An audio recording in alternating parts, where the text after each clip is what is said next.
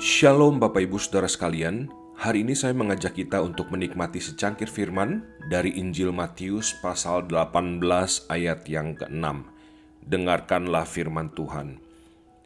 Tetapi barang siapa menyesatkan salah satu dari anak-anak kecil ini yang percaya kepadaku, lebih baik baginya jika sebuah batu kilangan diikatkan pada lehernya, lalu ia ditenggelamkan ke dalam laut. Berbahagialah setiap orang yang mendengarkan firman Allah dan yang memeliharanya. Haleluya.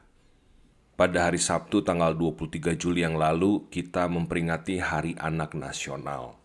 Hari Anak Nasional tahun 2022 mengangkat tema Anak Terlindungi Indonesia Maju.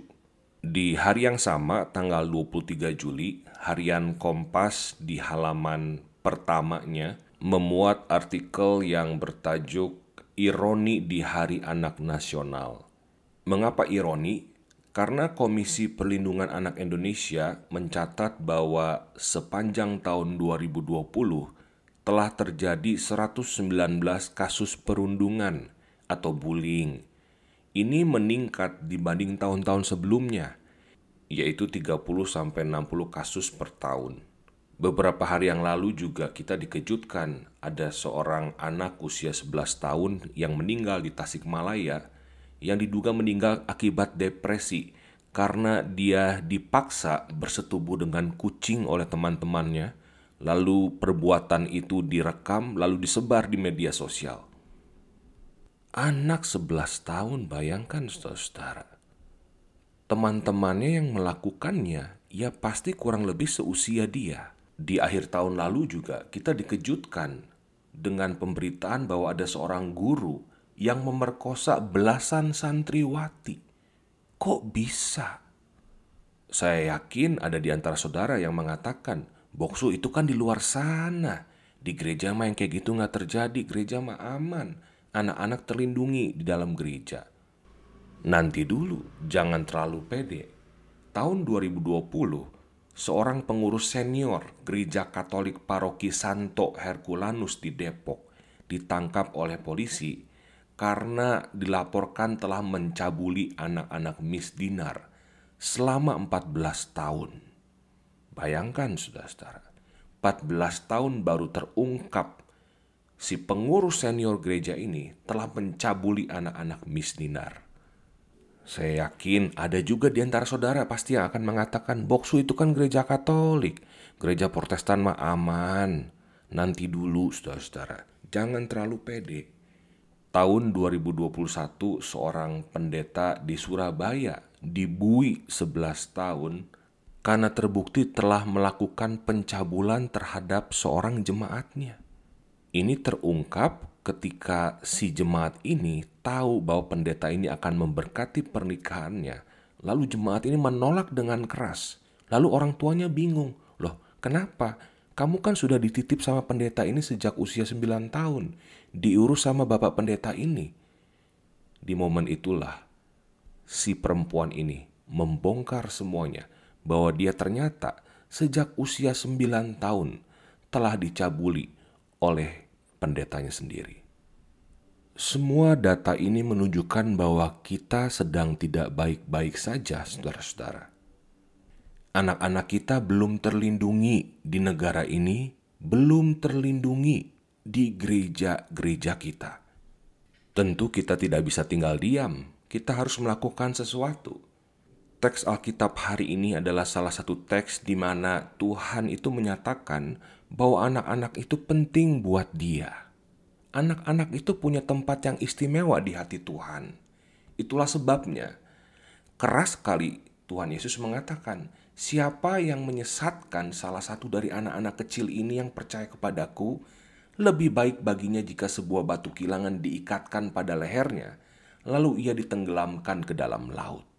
Saudara-saudara, batu kilangan itu adalah batu yang di, biasanya dipakai untuk menggiling gandum.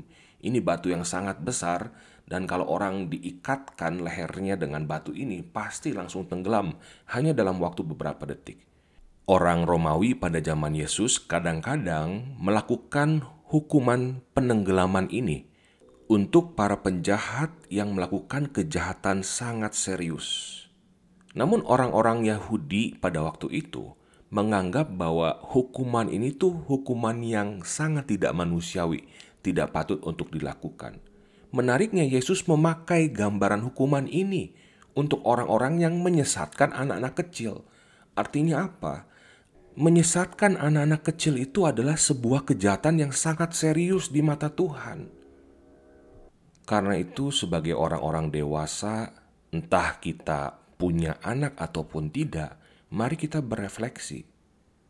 Apakah perkataan saya, hidup saya sudah jadi teladan buat anak-anak kecil? Anak-anak kecil itu kan sifatnya mengimitasi. Mereka pasti melihat orang dewasa. Apa yang orang dewasa lakukan, mereka akan lakukan. Kenapa bisa ada sampai anak-anak kecil yang memaksa anak lainnya untuk bersetubuh dengan kucing. Mereka pasti terlebih dahulu menyaksikan perilaku orang-orang dewasa yang sakit. Buat para orang tua yang sudah dititipkan anak-anak, apalagi orang tua yang pada waktu anak-anak masih kecil sudah menyerahkan anak-anaknya dibaptis saudara punya tanggung jawab untuk mendidik anak-anak di dalam jalan Tuhan dan tidak menyesatkan mereka. Bukan hanya melalui keteladanan, tetapi juga melalui ajaran-ajaran yang baik, yang sehat, yang rasuli. Demikian juga saudara-saudara yang sedang melayani sebagai guru-guru sekolah minggu. Jangan pernah berpikir, ah ini mah cuma anak-anak Saudara perlu terus mengupgrade diri, membaca buku-buku Kristen yang baik, terus belajar, terus ikuti webinar, termasuk dalam hal pembinaan teologi. Sehingga ketika kita mengajarkan anak-anak kita, kita mengajarkan dengan teologi yang baik, teologi yang benar. Dan mari sebagai gereja Tuhan, kita lindungi anak-anak kita di dalam gereja kita. Kalau misalnya kita mengendus atau kita melihat Misalnya ada pelecehan atau kekerasan terhadap anak-anak, segera laporkan ke majelis jemaat. Jangan ragu-ragu. Atau misalnya ketika di keluarga, sebagai suami, sebagai istri, terjadi kekerasan dalam rumah tangga kepada anak-anak, jangan berdiam diri, saudara-saudara. Cari bantuan. Ini bukan masalah menyelamatkan muka suami atau muka istri, tetapi menyelamatkan masa depan anak-anak kita. Mari kita melihat anak-anak kita sebagaimana Tuhan melihat anak-anak. Mari kita mengasihi anak-anak sebagaimana Tuhan mengasihi anak-anak. Mari kita melindungi anak-anak sebagaimana Tuhan melindungi anak-anak. Anak terlindungi, Indonesia maju. Anak terlindungi, Tuhan bahagia. Tuhan memberkati kita semua. Amin.